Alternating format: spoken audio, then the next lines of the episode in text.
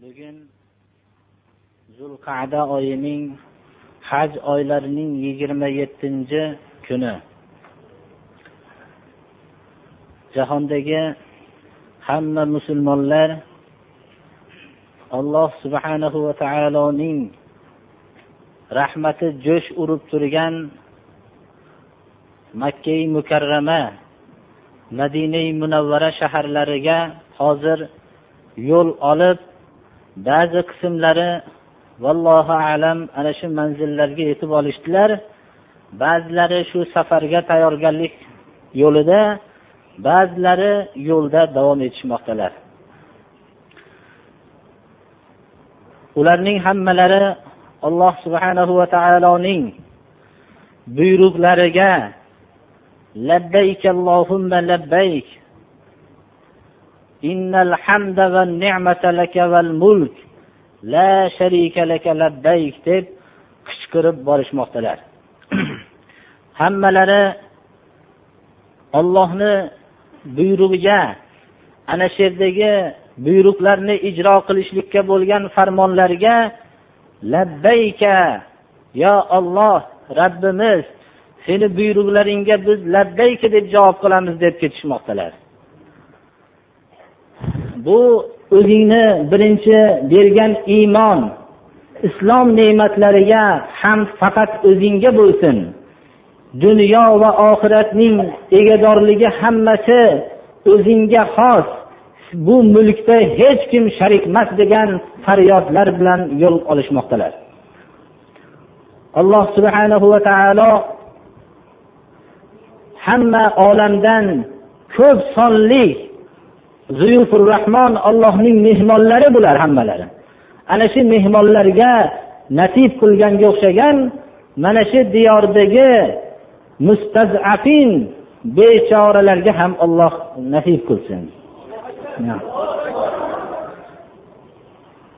Haj amali hozir biz haj oyida turibmiz islomdagi beshta farzning bittasini tashkil qiladi.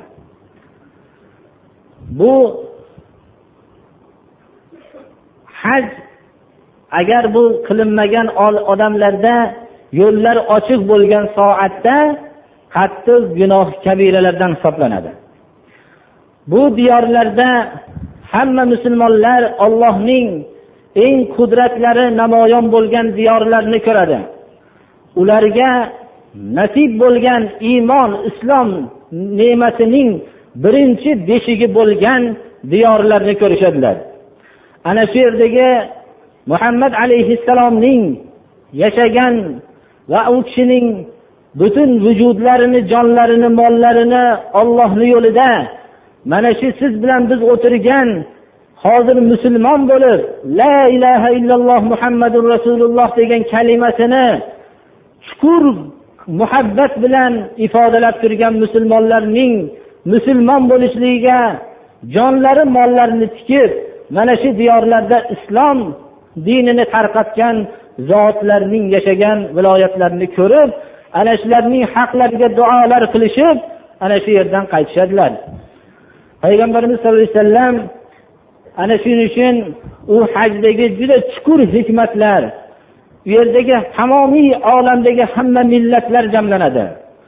U musulmon kishi o'zi tushunchasida islomda millatchilik yo'q deganning yorqin namoyon bo'lib turganligini o'z ko'zi bilan ko'rib qaytadi ana shu yerda hamma odamlarning tillari turli tuman bo'lishlariga qaramasdan hammalari yakka ollohga iymon keltirgan muhammad alayhissalomni barhaq payg'ambarligiga unaganligidan bir ekanligingizni tushunasiz lekin tillarni tushunmasligingizga qaramasdan hamma bir biri bilan muhabbat bilan turganligi ana shu alloh subhanahu va taoloning jo'natgan muhammad alayhissalomni shu payg'ambar qilib jo'natgan dinda hech qanday bir millatchilikning bo'yini yo'q ekanligini o'z ko'zi bilan ko'rib qaytishadilar ana shular.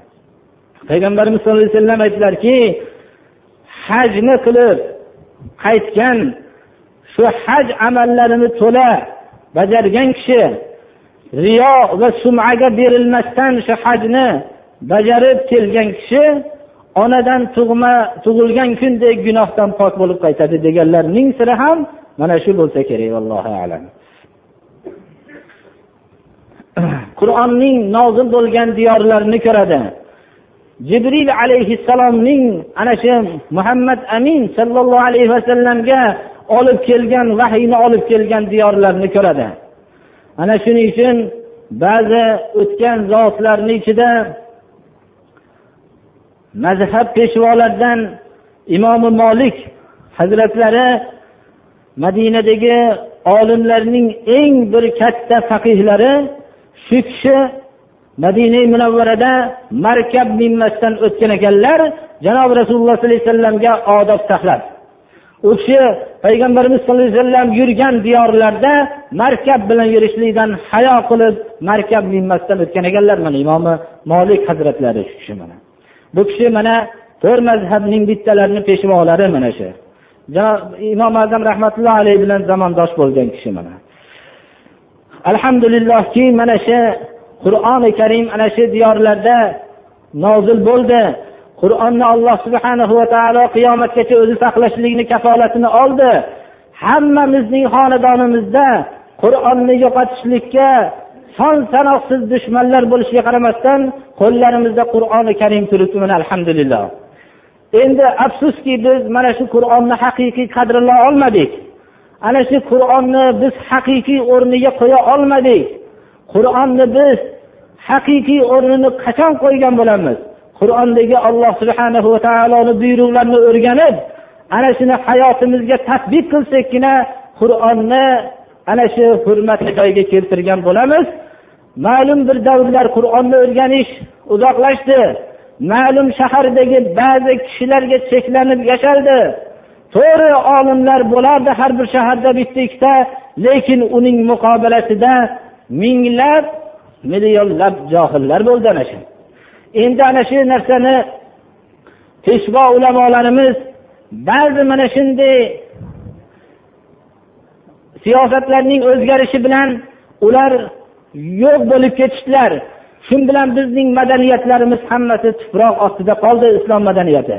Shuning uchun alloh subhana va taolo mana shu endi buni bu musulmon birodarlarga hammalariga olloh himmat ato qilsinlarki ana shu o'zlarini hayotlarini hammasini shu qur'onni o'rganish hadisni o'rganish ularni buyruqlarini hayotda qanday qilib ishlatishlik kerakligini o'rganishlikni alloh subhana va taolo nasib qilsin deb biz ham qo'limizdan kelganicha mana shu qur'onni qisman bo'lsa ham baholi qudrat bir mazmunini bayon qilyapmiz.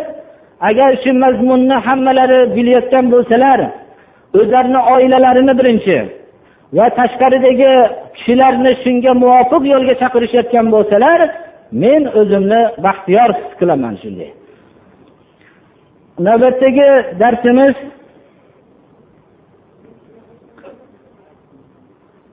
suratul laylga keldik.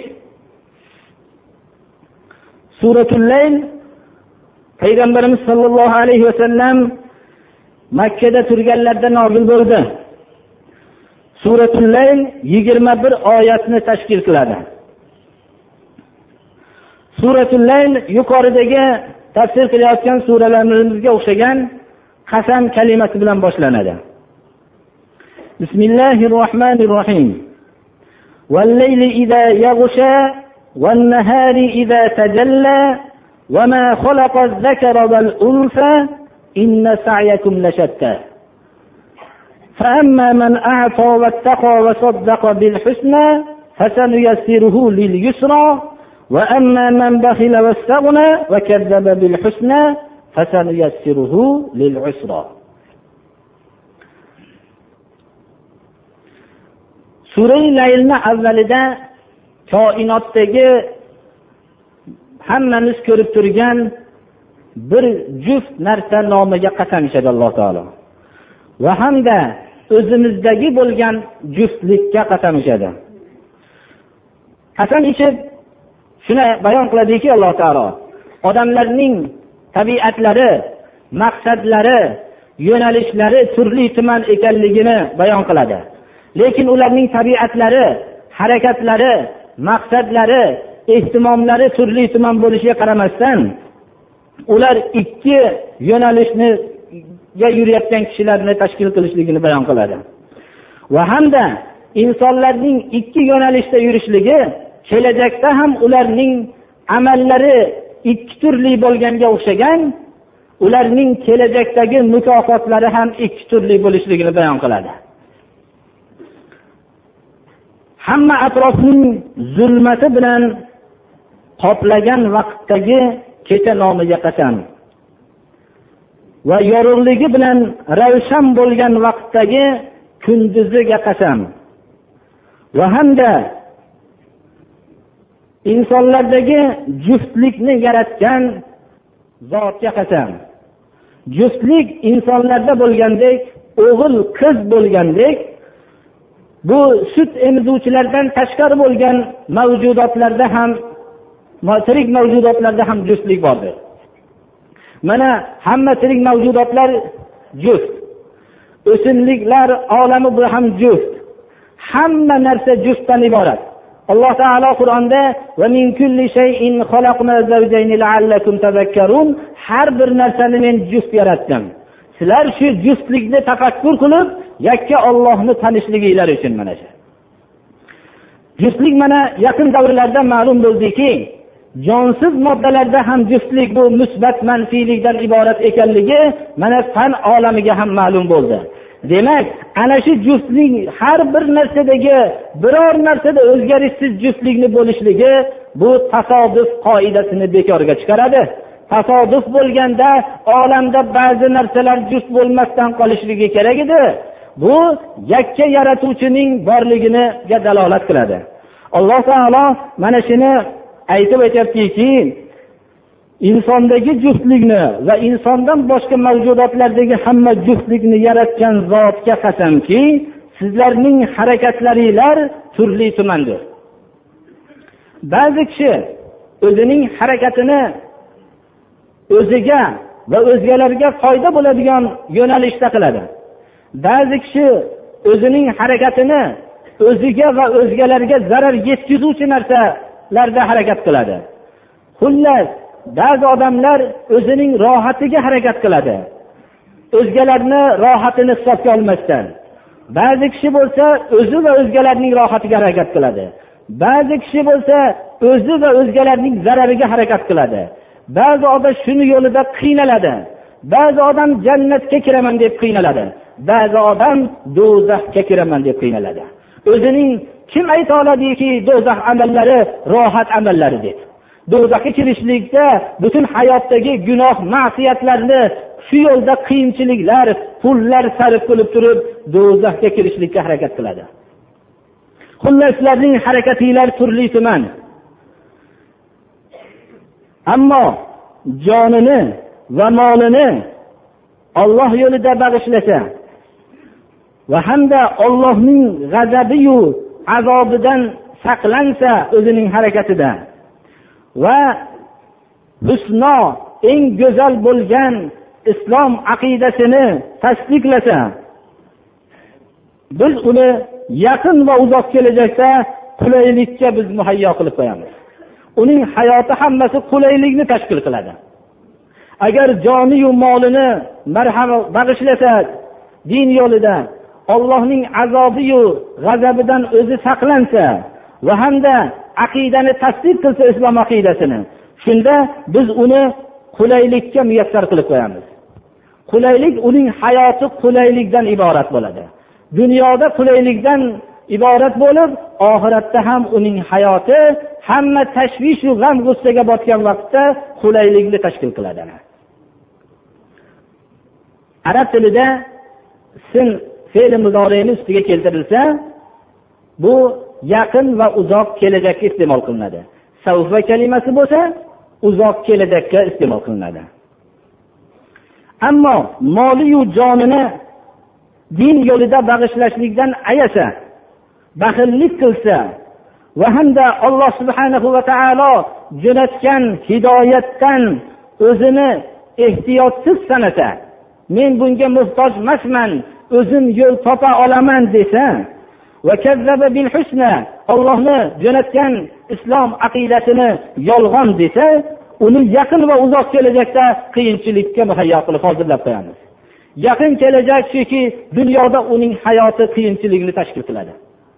Uni kelajak hayoti albatta oxirat hayoti qiyinchilikdan boshqa narsa bo'lmaydi u narsani. Kim islom aqidasidan voz kechib rohat bilan yashabdi u rohat deganda qalb rohatini aytamiz. Odamlar mana hozir hamma narsa yetishgan ilgarigiga nisbatan ko'p narsalarda iqtisod tomonlaridan yetarli bo'lganu qandaydir ularga bir narsa yetishmayapti. Shuning uchun doim beqarordirlar ular. U yetishmayotgan narsa ruhiy yetishmovchilik islom aqidasidan mahrum bo'lishlik mana shu sababli ular qiyinchilikda yashamoqdalar. Uni o'zi quvontirgan moli davlati halok bo'lgan vaqtda unga foyda bera olmaydi. Odamzod moli davlat topgandan keyin har qanday qiyinchilikni shu moli davlat bilan hal qilaman deb tushunadi. U olloh tarafidan jo'natilgan hidoyatga ehtiyojim yo'q deydi. Tug'yon sababli shunday deydi. Uning moli halok bo'lgan vaqtda uni ta'minlay olmaydi unga foyda yetkaza olmaydi. Mana jahonni haqida mana shu hozirgi ketuvda tasavvur qilinsa agar bir iqtisod tomonidan bir yetuk bir manzilga yetib olsak hayotdagi hamma mushkulotlarni hal qilamiz degan faylasuflar paydo bo'ldiki u faylasuflar ho'p iqtisod tomonidan ma'lum bir boylikka erishgandan keyin hayotda hamma mushkulot hal qilinaveradi degan edi. Lekin inson masalan bashariyat oqimi halokat maydoniga yo'l olsa undagi iqtisoddagi baland cho'qqiga yetishlik unga foyda yetkaza olmaydi. Mana u narsani biz yaqqol hozirda ko'rib turibmiz mana.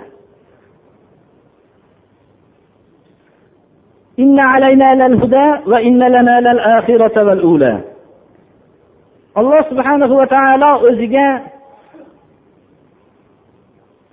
hidoyat qilishlikda insonga yaratgan fitrat taqozosiga qarab va hamda payg'ambarlar vositasi bilan va hamda jo'natgan kitoblari vositasi bilan hidoyatni insonga bayon qilishlikni o'zini zimmasiga oldi. Bu fazlanu rahmatan shunday qildi. Olloh bandalariga rahmat bilan fazl sababli ularga hidoyat nima? Zalolat nima ekanligini tabiatlariga shunday qobiliyatni o'rnatib qo'ydi. Bir noto'g'ri ishni qilayotgan odam doim noto'g'riligini o'zgalar bilishidan oldin o'zi biladigan qilib qo'ydi. To'g'ri ish qilayotgan vaqtida o'zgalar bilishidan oldin o'zi to'g'riligini oldin biladi. Hech kim noto'g'ri ishni qilayotgan vaqtida men to'g'ri ish qilyapman deb o'ylamaydi.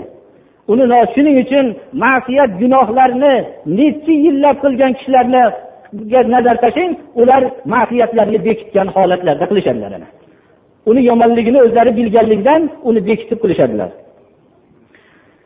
Ana alloh taolo birinchi tabiatimizga shunday qobiliyatni o'rnashtirib qo'ydi.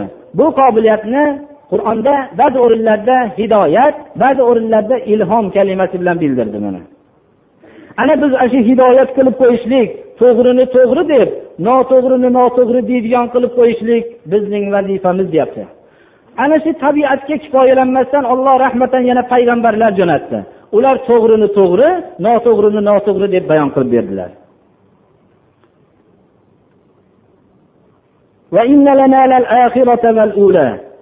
Oxiratu dunyoning hammasi holatlari ollohning ilmidan tashqarida emas. Olloh buni hamma dunyoyu oxiratdagi hamma holatni o'zini ilmi ihota qilib turadi. Banda dunyoyu oxiratda ollohning ilmidan tashqariga qochib qutula olmaydi.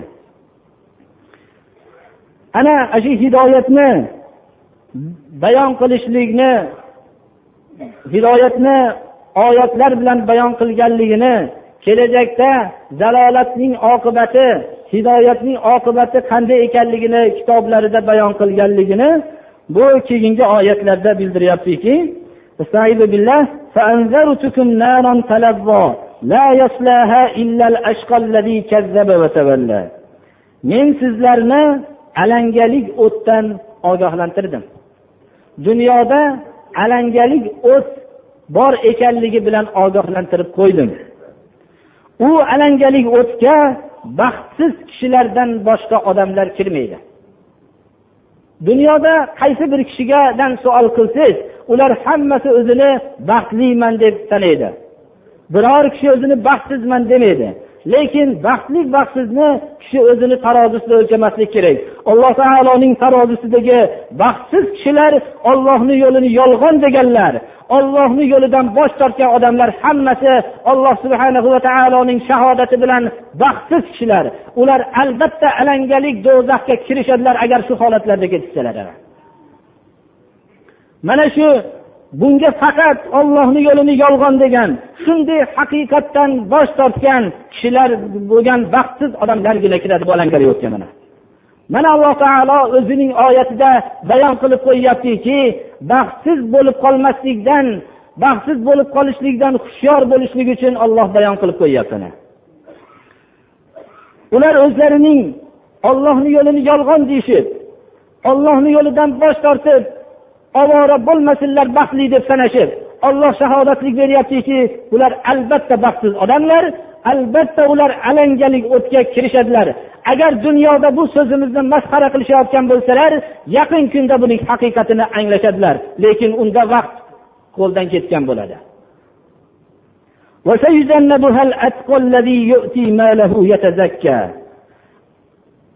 Ana bu alangali o'tdan alloh subhanahu va taolo kelajakda o'zining molini poklanish maqsadida bag'ishlaydigan taqvodorni u o'tdan uzoqlashtiradi. O'tdan kimlarni uzoqlashtiradi alloh taolo? Taqvodorlarni. Taqvodorning belgisi nima? Taqvodorning belgisini hamma oyatlarda bayon qilingan. Bu yerda uning belgilaridan bittasi bayon qilinyaptiki mol davlatini ollohni yo'lida berayotganda poklanish maqsadida beradi. U moli davlatini riyo maqsadida bermaydi. Moli davlatini birovdan olgan yaxshiligini qaytarishlik uchun berayotgan kishini aytmaymizu atqo deb u birovdan qaytga birovdan kelgan yaxshilikni qaytarishlik islomda bu ham juda yaxshi narsa. Lekin bu yerdagi molni berishlik uni birinchi boshqaga foyda yetkazishlikdan ilgari o'ziga foyda yetkazgan uning baxillik kasalidan qutqargan molni birovga berishlik bilan poklangan taqvodorlarni alloh taolo ana shu o'tdan uzoq qoladi. Mol agar riyo maqsadida beriladigan bo'lsa kishini poklamaydi kishini buzadi bu. Agar mol birovdan olingan yaxshilikni qaytarishlik maqsadida berilayotgan bo'lsa ham bu hali insonni unaqa oliy darajada poklay olmaydi. Bu yerda aytilayotgan atqo ya'ni taqvodor kishi molini poklanishlik maqsadida bag'ishlayotgan kishini aytilyapti mana. Chunki alloh subhana va taolo dargohida mukofotlanadigan ne'matlar pok ne'matlar bilan mukofotlanadi. Bu yerga boradigan mukofotni oladigan amal albatta pok bo'lmoqligi kerak. Dedi pokiza amalgina alloh subhanahu va taoloning dargohiga ko'tariladi. Boshqa amallar ana shu odamlar dunyosidagi fasod buzg'unchilik tashkil topgan dunyoda qolaveradi. Ollohni huzuriga ko'tarilmaydi u narsa. وما لأحد عنده من نعمة تجزى إلا ابتغاء وجه ربه الأعلى ولسوف يرضى ollohni huzurida faqat oliy tarbiyat kunandasining rizosini talab qilinishlikdan boshqa maqsadda bo'lgan amalga mukofotlanadigan ne'mat yo'q u yerda faqat ollohning rizosi uchungina bo'lgan amalga beriladigan mukofot bor xolos u yerda Robbihil alo kalimasi. Agar insonni alloh subhanahu va taolo o'zini moli davlatini ana shunday poklanadigan olloh yo'lida sarflaydigan qilishlikka ollohning o'zini tarbiyat kunandaligi vositasi bilan yetishligiga ishora bo'layotgan bo'lsa kerak. Allohu alam. Inson o'zini amalini olloh rizosi uchun qilsa xususan moli davlatini olloh uchun bersa dunyoda ko'p imtihonlarga uchraydi. Moli davlatini bergan kishilar tomonidan aziyatlar yetadi. Ana unda o'zining ana shu moli davlatini berganligiga ba'zi afsuslar ham paydo bo'ladi. Ba'zi moli davlatini bergan joylarda ulardan bir yaxshilik maqsadida bergan bo'lsa yaxshilik maqsadlari hosil bo'lmaganligi uni g'amgin qiladi.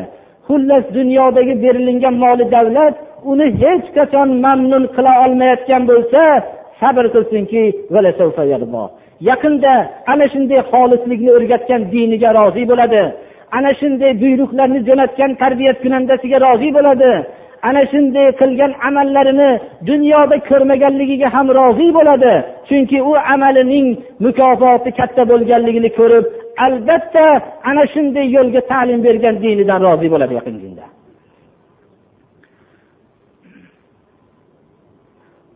Agar insonga oxiratda mukofotlar berilsa o'zidagi kamchiliklarga berilgan vaqtda dunyoda kamlik bilan odamlar o'rtasida baland deb hisoblangan narsalarda o'zi maqsadga yetolmasdan shunga sabr qilib oxiratga borganda beriladigan mukofotni ko'rganda hamma ishim nuqsonli bo'lsa bo'lar ekan deb orzu qilib qolar ekan.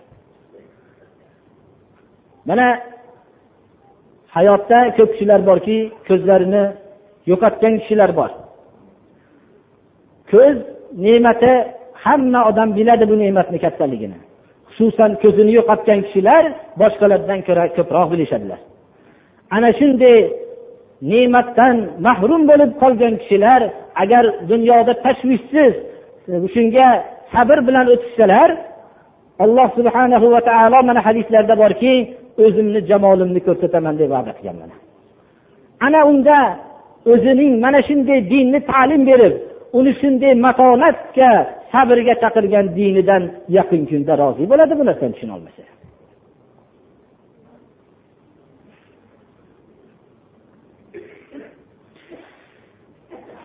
بسم الله الرحمن الرحيم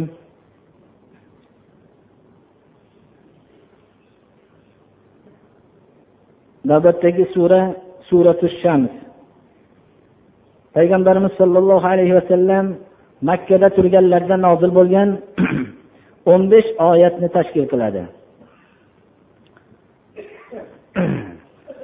بسم الله الرحمن الرحيم والشمس وضحاها والقمر إذا تلاها والنهار إذا جلاها والليل إذا يغشاها والسماء وما بناها والأرض وما طحاها ونفس وما سواها فألهمها فجورها وتقواها قد أفلح من زكاها وقد خاب من دساها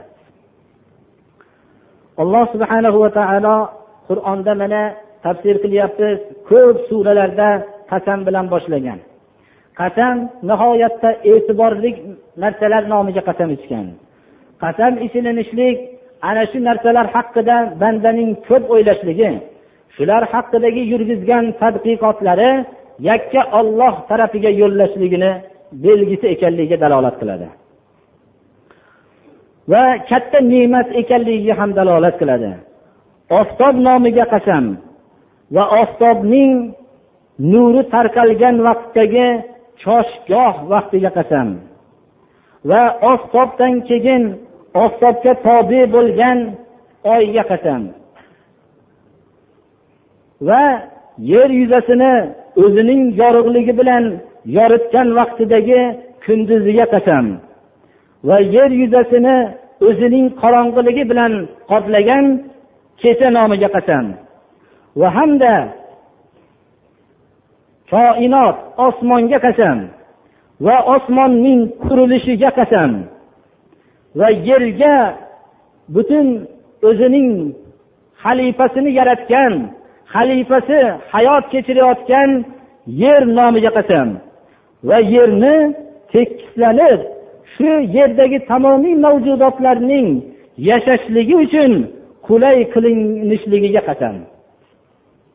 Bu yerdagi mo ba'zi tafsirlarda man ma'nosi berilib aqllik kishilarga ham moni iste'mol qilinishligiga hujjat keltirilsa lekin ko'proq tafsirlar moni moyi mastariya deb ifodalanishlikni ma'qulroq topishganlar.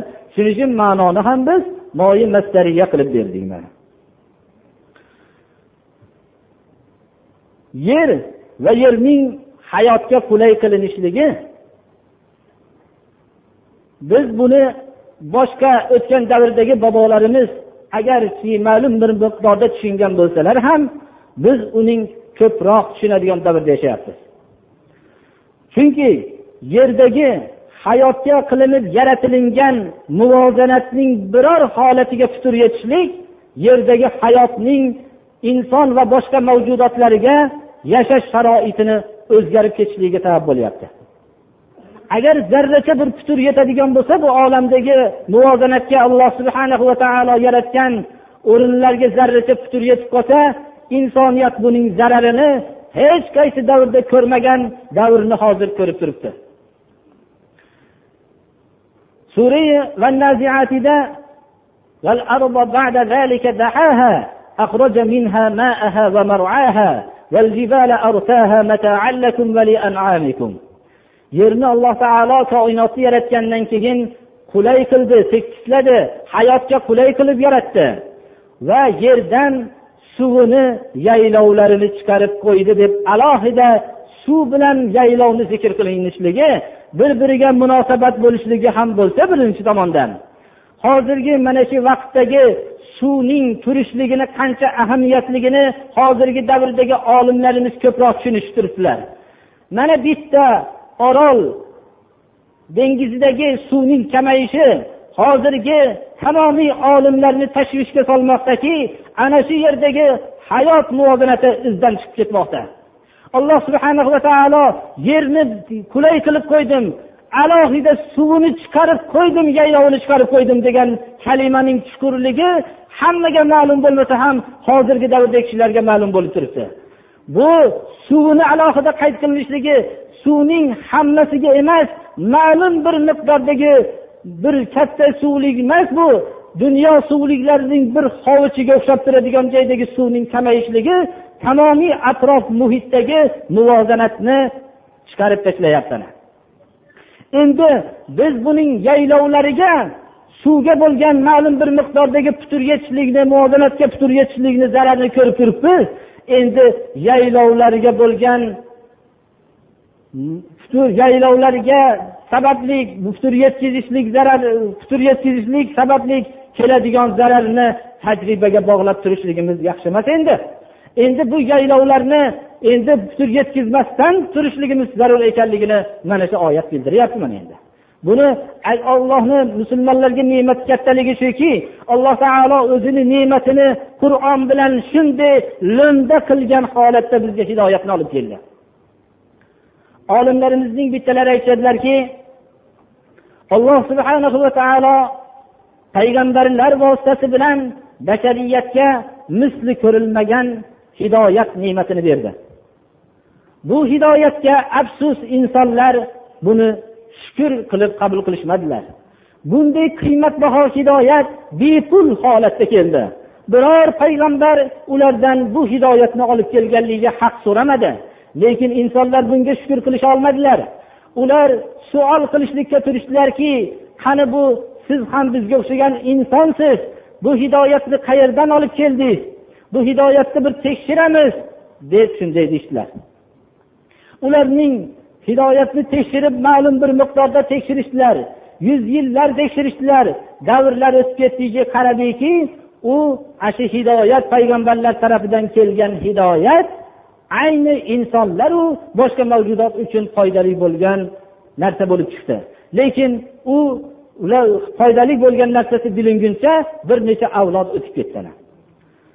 Buni misoli shunga o'xshaydiki agar tamsil joiz bo'lsa dunyo xaritasini olib kelingan bo'lsa dunyo xaritasini oldida mana dunyodagi eng baland tog'ni salkam to'qqiz kilometr deb ko'rsatib qo'yilgan. Dunyodagi eng chuqur dengizni bo'lsa salkam o'n kilometr deb ko'rsatib qo'yilgan chuqurligini. Dunyo xaritasini oldida tayyor qancha sahro borligini qancha tog'lar borligini qancha o'rmonlar borligini qancha aholilar yashashligini xaritada ko'rsatib qo'yilgan edi. Buni ro'barosida turgan bir bolaga ko'rsatsangiz kim sizga aytdi bu tinch okeanining eng chuqur joyini o'n kilometr deb? Meni o'zimni yonimda metrim bor o'zim o'lchov asbobim bor buni men tekshirib chiqmaguncha unamayman deganligi ha baland tog'larning balandligini qancha balandligini men unamayman o'zimning o'lchov asbobim bilan o'lchayman degan yosh bola go'dak qanday bo'lsa payg'ambarlarning hidoyatlarini tayyor hidoyatlarni qabul qilmagan kishilarning misoli ham shunga o'xshaydi. Lekin biz afsus xarita oldida turgan bolani qabul qilmayotganligini biz nodonlik deymizu payg'ambarlar yo'lini qabul qilmayotgan kishini hech nodon demaymiz. Ana biz bitta aroqning harom ekanligini bashariyatning ashaddiy dushmanligini bilishligimiz uchun bir ming to'rt yuz yil davrni bosib o'tdik. bir ming to'rt yuz yil davrda juda ko'p qurbonlar bu aroqning qurboni bo'lib ketdi. Ularni endi bir ming to'rt yuz yil qurbonlikka kim javob aytadi? Allohning musulmonlarga rahmati shuki bir ming to'rt yuz yilda aroqning haromligini faqat bir tarafdan kashf qilingan narsani ilgari bayon qilishligi bu tamomiy bobolariga bo'lgandan tashqari o'zlari uchun mislsiz ne'mat emasmi mana shu narsa? Ular aroq ichmagan zotlarning avlodi bo'lishligi bu ne'mat emasmi? Aroz sababli nasllarning nasliy kasallarning paydo bo'ldi. Bolalarning gunohsiz bolalar majruh tug'ilishdi mana shu narsa. Shuning uchun payg'ambarlarning mana shu oyatdan bilaylikki bitta oyatda yerni yaratishligi va yerning yashashga nihoyatda qulay qilib qo'yishligi nihoyat darajada bu katta ne'matligini mana biz hozir anglab turibmiz mana.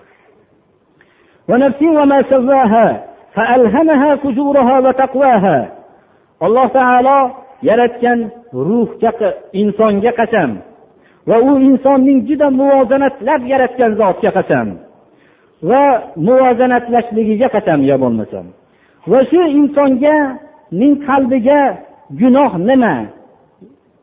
Ya'ni yomon ish nima? Yaxshi ish nima ekanligini biluvchi bir qudratni ilhom qilib qo'ydi alloh taolo. Ana shu odamdagi yomon hozir aytib o'tdik gunoh nima? Savob nima ekanligini biladigan qobiliyat yaratib qo'ydi. Ana shu narsaga kifoyalanmasdan payg'ambarlar jo'natdiki yomonni yomon yaxshini yaxshi deb bildiradigan.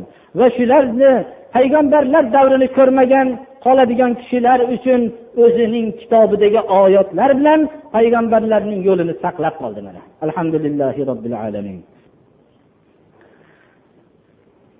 Ana endi insonga ixtiyor sifatini berib qo'ydiki u o'zini poklashlikka bo'lgan qobiliyat berib qo'ydi. Agar o'zini qobiliyati shu qobiliyatdan foydalanib poklasa dunyoyu oxiratda najot topdi. Agar o'zidagi shu qobiliyatni yomonlik tarafiga ishlatgan bo'lsa o'zini poklamasdan kirlagan bo'lsa u hayotda muvaffaqiyatsiz bo'ladi har bir amalida. Dunyo oxiratda bo'lsa albatta muvaffaqiyatsiz bo'ladi. كذبت ثمود بطغواها إذ انبعث أشقاها فقال لهم رسول الله ناقة الله وسقياها فكذبوه فعقروها فدمدم عليهم ربهم بذنبهم فسواها ولا يخاف عقباها tarixda o'zini kirlagan millatlarning bittasini alloh subhanahu va taolo ibrat uchun biz o'zimizni hayotimizda hushyor bo'lishligimiz uchun mana shuni bizga bayon qilib beryapti Samud qabilasi bu solih alayhissalomning qabilalari. Solih alayhissalom sabud qabilasiga payg'ambar bo'lib keluvdilar. Ular solih alayhissalomdek xolis nasihatchining so'zini qabul qilishmadilar. Ular solih alayhissalomdan mo'jizot so'rashdilar. Go'yoki hech dunyoda mo'jiza yo'qdek. Dunyoda mo'jiza emas narsa yo'q. Gapirishligimiz mo'jiza. Qanday gaplar tashkil topyapti? Qanday bu murakkab mazmunlar tezlik bilan bu go'shtdan paydo bo'lib chiqyapti? Qanday bu mazmunli so'zlarni tezlik bilan eshituvchilar qabul qilyapti? Bu narsalarni hozirgi isbotlangan fanlarda bayon qilingan narsalar bor narsani aytishlikdan boshqa narsa emas u narsalar. U biror shunaqa tashkil qiladigan asbobni o'ylab chiqargani yo'q hali. Bu mo'jizot dunyodagi daraxtga qarang. Qanday bir yog'ochdan lazzatli meva chiqyapti? Dunyoda mo'jiza emas narsani siz ko'rsatib bering mo'jiza talab qilguncha. Dunyoda mo'jiza emas narsa yo'q. Nima uchun biz buni mo'jiza emas deb qabul qilamiz? Biz buning mo'jizaligini bilmaydigan yoshimizdan qarab ko'rib kelmoqdamiz. Uning davomiy ko'zimizni ro'paramizda turishligi mo'jizalik xususiyatini bizdan yo'qotib qo'ygan. Agar odam mehr qalbi ko'zi bilan qarasa mo'jiza emas narsani topolmaydi olamda. Mabodo bir mo'jiza emas narsa bo'ladigan bo'lsa u ham bo'lsa inson qilgan narsa bo'ladi. Alloh subhana va taolo yaratgan shimolidagi mo'jiza bilan koinotdagi mo'jizani farqi yo'q. Hammasi mo'jiza. Ana ular ana shunday qalb ko'zlari bekik bo'lganligi uchun solih alayhissalomdan mo'jiza talab qilishdilar. Ana mo'jiza ularga tuya bo'ldi. Tuya tuya haqida ko'p gaplar bor. Biz u gaplarni tafsir hadis uchun uni kengaytirib aytmaymiz. Shuni bilamizki bu mo'jizatan berilingan tuya odatdagi tuyalardan boshqacha edi.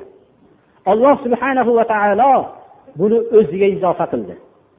Bu falonchini tuyasi pistonchini tuyasi falonchini oti degan bo'lsak bir kattaroq odamning tuyasi bo'lsa ham albatta biz boshqacha tasavvur qilamiz. Lekin olloh buni ollohning tuyasi deb nomladi.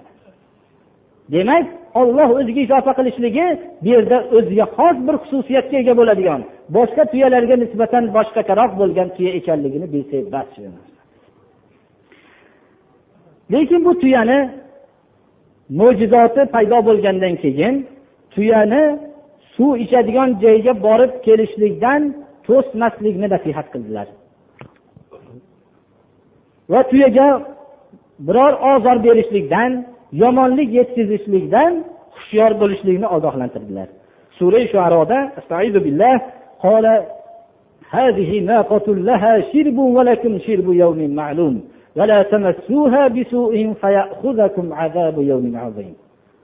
mana shunday deyildi.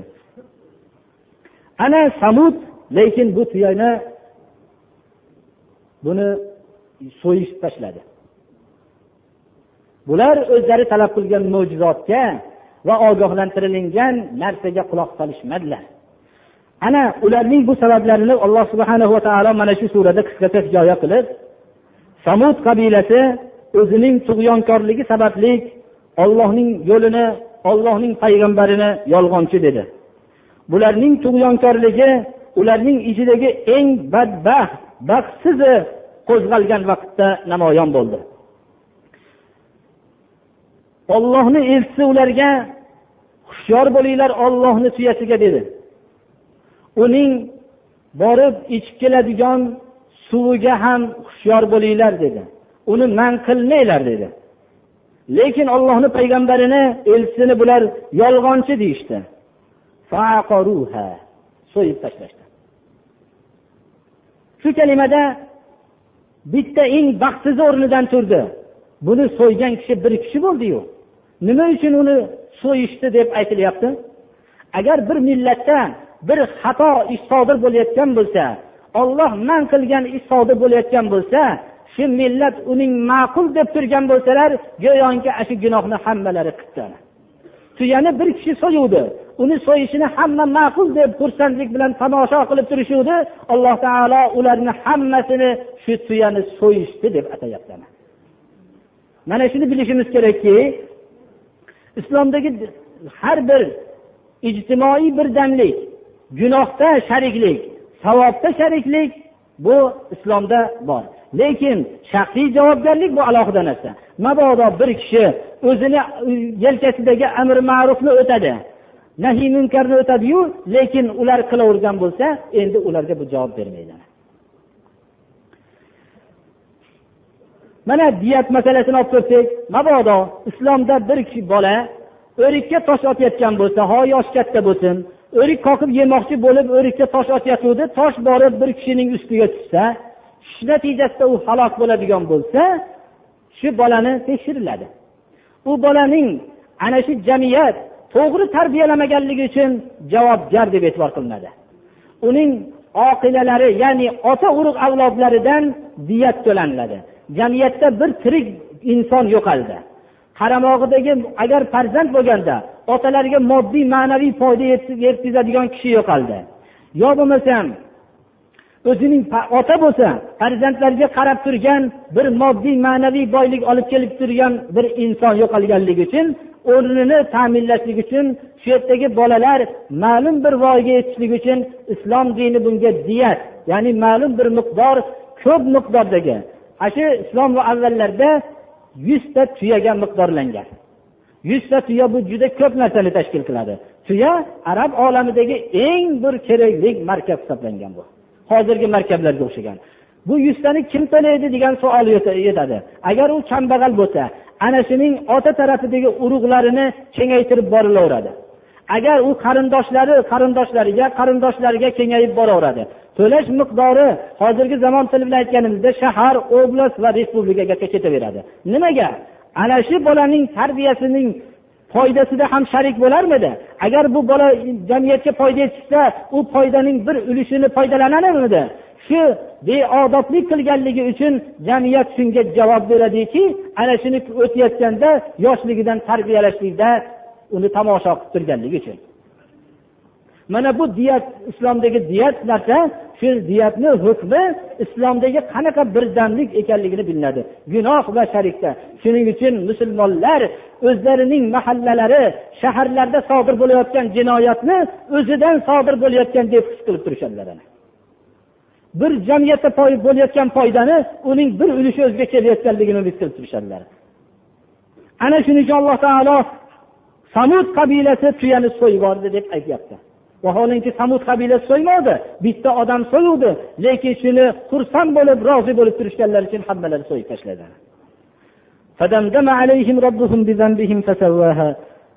Ularning ustiga tarbiyat kunandalari gunohlari sababli azob bilan g'azab qildi. Damdama g'azab qilish azob bilan ya'ni.